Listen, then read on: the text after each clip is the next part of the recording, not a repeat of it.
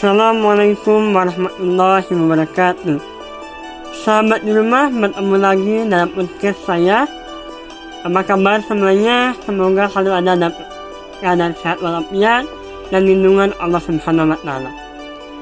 Dalam kesempatan ini saya akan mencoba menganalisis mengenai materi yang disampaikan oleh kelompok 6 tentang mendukung literasi kewarganegaraan ide yang mengintegrasikan studi sosial dan bahasa seni dalam pengembangan dunia baru. Saya sangat setuju dan mendukung terhadap materi ini.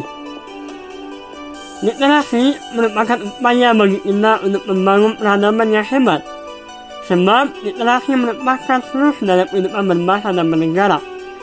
Kita tahu ukuran kesuksesan peradaban salah satunya adalah tingkat literasi di masyarakat.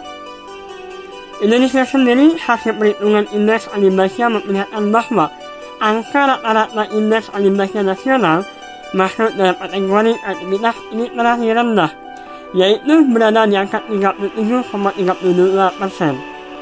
Dalam survei World Culture Index tahun 2018 menunjukkan tingkat literasi dan minat membaca Indonesia berada di peringkat kedua terbawah, tepatnya ranking 60 dari 61 negara.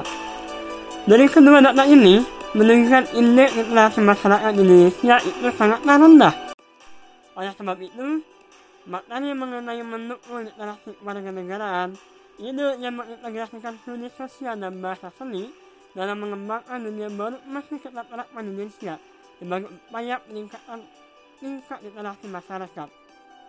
Tidak tahu pemerintah pun sedang menggayakan gerakan literasi nasional, namun gerakan itu masih efektif dan belum dirasakan oleh masyarakat bawah, sehingga perlu adanya sebuah penguatan dalam peningkatan gerakan literasi nasional ini.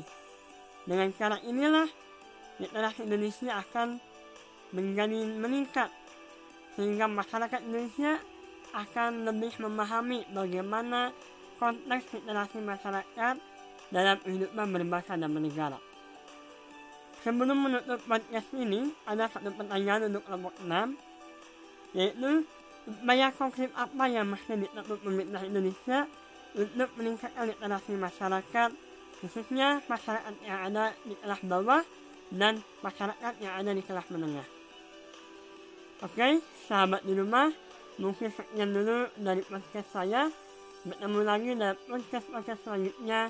Tetap mendengarkan dan menyimak dan mengambil hikmah dari podcast ini. Wassalamualaikum warahmatullahi wabarakatuh.